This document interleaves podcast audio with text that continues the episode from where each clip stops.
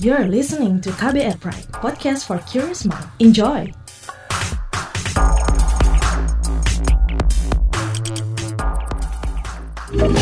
Kamu lagi dengerin What's Trending KBR Pagi. Kita masih terpusat ya perhatiannya kepada yang namanya virus corona atau COVID-19.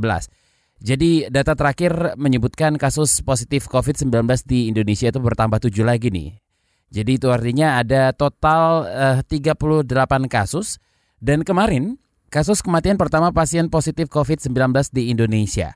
Sementara di waktu yang sama dua pasien positif COVID-19 yang lain telah sembuh dan dilakukan proses pemulangan. Jadi beberapa tindakan preventif atau pencegahan dilakukan beberapa pihak agar kasus COVID agar kasus COVID maksud saya tak semakin berkembang. Kementerian Ketenagakerjaan dan Kementerian Pendidikan mengeluarkan surat edaran mengenai pencegahan penyebaran virus corona terbaru ini. Kemenakar mengingatkan para pengusaha dan Kemendikbud mengingatkan institusi pendidikan untuk sama-sama mengantisipasi merebaknya COVID-19. Selain itu, beberapa daerah membatalkan acara-acara yang sebabkan keramaian. Oke, ini yang akan kita obrolin ya, corona di tengah keramaian. Um, nanti kita akan mendengarkan beberapa pernyataan dari um, Ahmad Yuryanto, juru bicara penanganan COVID-19 juga. Dan ada pernyataan dari Menteri Pendidikan Nadiem Makarim yang keluarkan surat edaran tentang pencegahan COVID-19 pada satuan pendidikan. Bersama saya Don Brady di What's Trending KBR Pagi. What's Trending KBR Pagi. Juru bicara uh, Penanganan COVID-19 Ahmad Yuryanto mengabarkan kasus kematian pertama pasien positif COVID-19 di Indonesia kemarin dan berikut penuturannya. Pasien 06 dan pasien 14 ini sudah dua kali diperiksa negatif. Artinya sekarang kita sedang mengedukasi mereka untuk persiapan pulang dengan melaksanakan self isolated. Artinya dia harus melakukan isolasi diri di lingkungan keluarganya. Ini bukan sesuatu yang mudah karena kita harus menyampaikan betul, meskipun sudah negatif, masih kita harapkan mereka berhati-hati. Pasien dengan identitas nomor 25 meninggal dunia. Pasien ini memang masuk di rumah sakit sudah dalam keadaan sakit berat karena memang ada faktor penyakit yang mendahuluinya, di antaranya adalah diabetes, hipertensi, kemudian hipertiroid, dan penyakit paru obstruksi menaun yang sudah, sudah cukup lama diderita. Pasien ini adalah eh, seorang perempuan usianya 53 tahun dan dia adalah WNA. Nah itu tadi uh, juru bicara penanganan COVID-19 Ahmad Yuryanto yang mengabarkan um, kasus kematian pertama pasien COVID-19 di Indonesia dan di hari yang sama Yuri juga mengabarkan kesembuhan dua pasien COVID-19 yang lainnya ya. Dan Menteri Pendidikan Nadiem Makarim juga mengeluarkan surat edaran tentang pencegahan COVID-19 pada satuan pendidikan. Dalam surat edaran itu, Menteri Nadiem menghimbau seluruh dinas pendidikan di daerah serta para pemimpin perguruan tinggi dan kepala sekolah untuk mengoptimalkan peran usaha kesehatan sekolah atau UKS atau unit layanan kesehatan di perguruan tinggi dengan cara berkoordinasi dengan fasilitas pelayanan kesehatan setempat dalam rangka pencegahan COVID-19. Selain itu juga memastikan satuan pendidikan melakukan pembersihan ruangan dan lingkungan secara rutin, khususnya handle pintu, saklar lampu, komputer, papan tik, dan fasilitas lain yang sering terpegang tangan. Kemudian menunda kegiatan yang mengumpulkan banyak orang atau kegiatan di lingkungan luar satuan pendidikan seperti berkemah atau studi wisata. Mas Menteri juga telah mengedarkan um, pesan ya memaksimalkan perilaku hidup bersih dan sehat, mencegah penyebaran virus corona melalui media sosial channel YouTube Kemendikbud RI. Berikut ini kita simak. Perilaku hidup bersih dan sehat merupakan cara paling efektif untuk mencegah penularan virus corona. 1. Mari mencuci tangan menggunakan sabun selama 60 detik dengan air mengalir. 2 Tingkatkan daya tahan tubuh dengan istirahat cukup dan rajin berolahraga. 3. Konsumsi makanan bergizi seimbang yang dimasak sempurna dan minum air putih 8 gelas per hari. 4. gunakanlah masker atau tutup mulut dengan lengan jika batuk atau bersin. 5. Jika ada gejala seperti demam dan sesak napas, segera kunjungi pelayanan kesehatan terdekat. Jadi, tetap tenang dan selalu waspada. Mari kita maksimalkan upaya pencegahan virus corona dengan menerapkan perilaku hidup bersih dan sehat. Itu tadi Menteri Pendidikan Nadiem Makarim yang keluarkan surat edaran tentang pencegahan COVID-19 pada satuan pendidikan dan itu tadi ya kita ambil dari media sosial channel YouTube Kemdikbud Republik Indonesia. What's trending KBR pagi? Kementerian Perindustrian atau Kemenperin itu bakal uh, menggelar pameran produk muslim berskala internasional di Jakarta Convention Center atau JCC pertengahan Juli mendatang.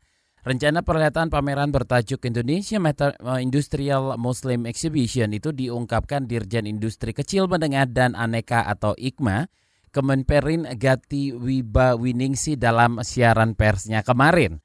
Jadi ini uh, ada acara Indonesia Industrial Muslim Exhibition atau e-motion atau II Motion dan rencana gelaran II Motion atau e Motion Kemenperin nampaknya nggak sejalan dengan langkah tanggap wabah COVID-19 yang diambil oleh Gubernur DKI Jakarta Anies Baswedan.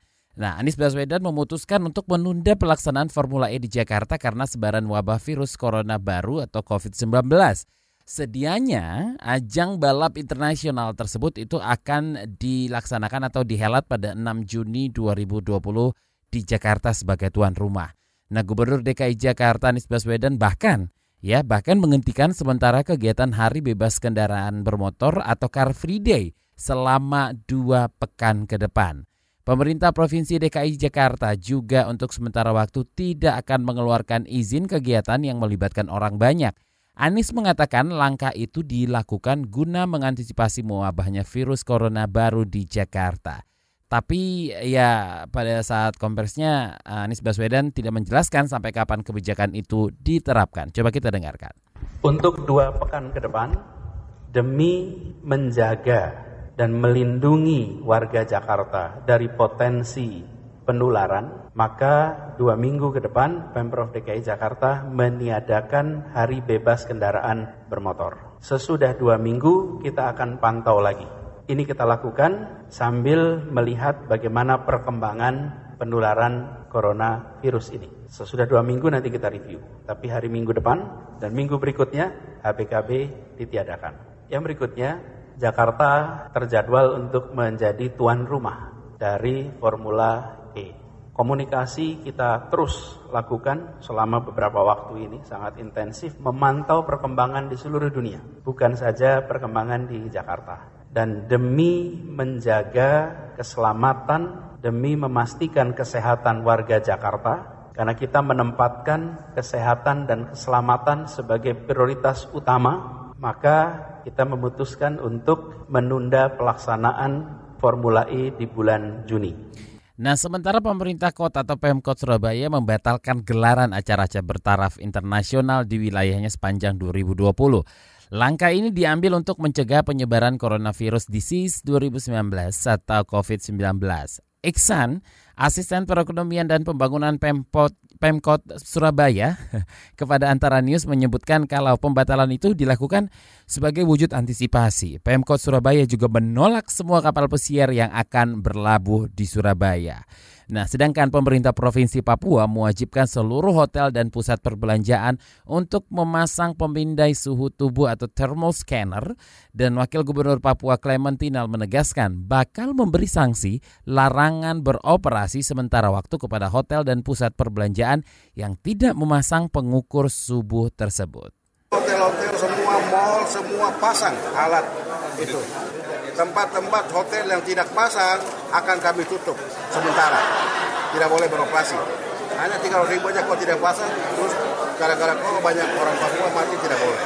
Nah, itu tadi Wakil Gubernur Papua Clementinal. Lalu gimana nih Asosiasi Pengusaha Indonesia atau APindo melakukan antisipasi penyebaran di kalangan para pekerja di tempat kerja? Kita akan tanyakan langsung kepada Tutum Rahanta Dewan Penasihat Himpunan Penyewa Pusat Perbelanjaan Indonesia APindo. Oke, Pak Tutum seperti apa perhatian para pengusaha kepada para pekerja di tempat kerja soal pencegahan COVID-19 ini? Jadi kalau soal uh, himbauan dari kementerian ataupun dinas-dinas, saya kira sangat baik ya. Tetapi langkah yang diambil oleh pelaku usaha itu sudah sebetulnya sudah cukup baik dan banyak juga. Ya ini bagian dari panduan saja lah saya kira. Nah yang kita ketahui banyak perusahaan-perusahaan yang sudah melakukan berbagai hal. Di antaranya jika Anda kembali dari luar negeri yang tersuspek dalam kurun jangka waktu tertentu dikasih memang tanggalnya lebih ya lebih kurang ada yang dua minggu Anda harus melapor kepada HRD di mana Anda uh, bekerja terus Anda harus diperiksa terus Anda harus cek kembali kesehatannya dengan berbagai kriteria-kriteria. Oke, apa yang uh, lagi yang harus dilakukan nih?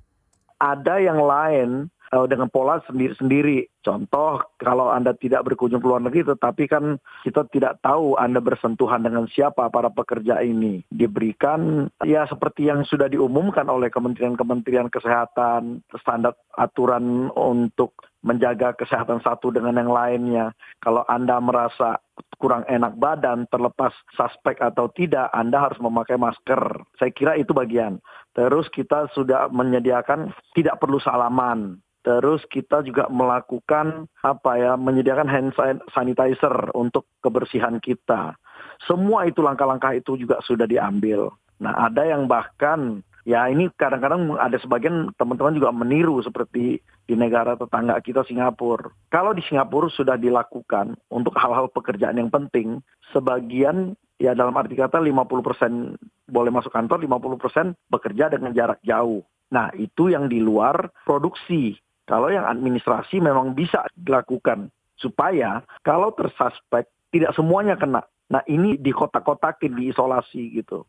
Nah bagaimana kekhawatiran penyebaran COVID-19 di kalangan pekerja hingga dapat mempengaruhi dunia usaha nih Pak? Saya kira pekerja ini kan bagian dari aset dari perusahaan ya. Sehingga kalau kita lihat eh, apa yang lebih besar ini merupakan juga aset bangsa karena ini mempengaruhi produktivitas pasti uh, output yang dikeluarkan. Kalau itu industri sebisa mungkin tidak terganggu karena bagaimanapun ini adalah bagian dari seluruh proses yang memang harus kita jaga. Nah, kalau itu terjadi bagi perusahaan industri, kalau semuanya ini kan penularannya sangat mudah di dalam satu lingkungan kerja kalau ini kena semua bukannya kita sangat dirugikan. Begitu juga di dalam operasional administrasi.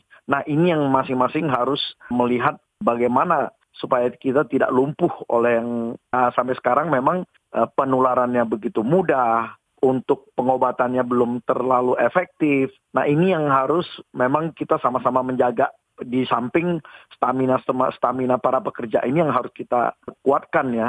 Terima kasih Tutum Rahanta Dewan Penasehat Himpunan Penyewa Pusat Perbelanjaan Indonesia atau APindo. What's trending KBR pagi? Penasaran sama komentar Miss KBR? Ini dia Miss KBR. Corona, corona, corona, corona. Virus SARS-CoV-2 yang kali pertama pecah di Wuhan, Tiongkok itu sudah menjangkiti ribuan lebih orang di seluruh dunia. Sudah ada 113 negara yang mengonfirmasi warga negaranya positif COVID-19. Nah, gimana dengan negara tercinta Indonesia Raya ini? Konon kabarnya, sudah ada 700-an orang yang diobservasi. Tapi ya nggak semuanya positif, ada yang dipulangkan malahan ya. Sementara ini total jumlah pasien corona mencapai 34 orang loh ya. Satu di antaranya meninggal dunia. Itu sih data kemarin sore yang Miss KBR baca. Semoga sih kagak nambah ya Wak, akan gak pengen kita kayak Italia yang dalam situasi lockdown lantaran virus itu. Kita mah kudu waspada, jaga kesehatan, tapi tiada usah parno juga. Tetap jaga kesehatan tubuh dan kebersihan. Sering-sering cuci muka, cuci tangan. Itu jadi tindakan pencegahan yang utama. Apalagi kayak Miss KBR ini yang sering mencelok kanan kiri. Aduh secara panggilannya nggak elok menolak rejeki. Apalagi kan sekarang ini butuh duit banyak kan untuk berobat. Meskipun ada asuransi sih yang nggak jadi naik iurannya itu. Syukur banget ya kan. Anyway, rasa-rasanya sih Miss KBR udah beberapa kali nih sempat bilang perkara dampak corona itu. Bahkan sektor pariwisata juga kena dampak. Maka dari itu, tiada heran kalau ada banyak banget upaya pencegahan yang dilakukan secara mandiri. Macam itu jaringan bioskop yang jadi rajin semprot-semprotan disinfektan. Beberapa acara juga ditunda. Contohnya tuh, festival musik Head in the Clouds Jakarta yang dibikin labelnya Rich Brian. Gubernur DKI juga menunda penyelenggaraan Formula E yang rencananya digelar pada 6 Juni 2020 nanti. Car Free Day juga bakal ditiadakan selama dua minggu. Aduh, nggak bisa mejeng dong. Ya, nggak apa-apa lah ya daripada disapa sama Corona. Uh, minum susu kuda liar tuh kabarnya bisa menangkal virus corona. Ya kali pak, sejak kapan situ jadi endorser minuman demikian? Kita udah nggak butuh produk-produk lagi. Udah cukup semua-mua jadi mahal lantaran corona. Pemerintah, boyo stop kasih pernyataan kayak demikian. Transparansi dan skenario penanganan yang top markotop itu yang kita perlu dengar. Biar siap kitanya. Itu dia tadi komentar dari Miss KBR. Mau tahu besok Miss KBR bakal komentar apa lagi? Tungguin cuma di KBR Pagi. What's Trending KBR Pagi. Saya pamit, besok ketemu lagi ya. Bye-bye. Terima kasih ya sudah dengerin What's Trending KBR Pagi. KBR Prime, cara asik mendengar berita. KBR Prime, podcast for curious mind.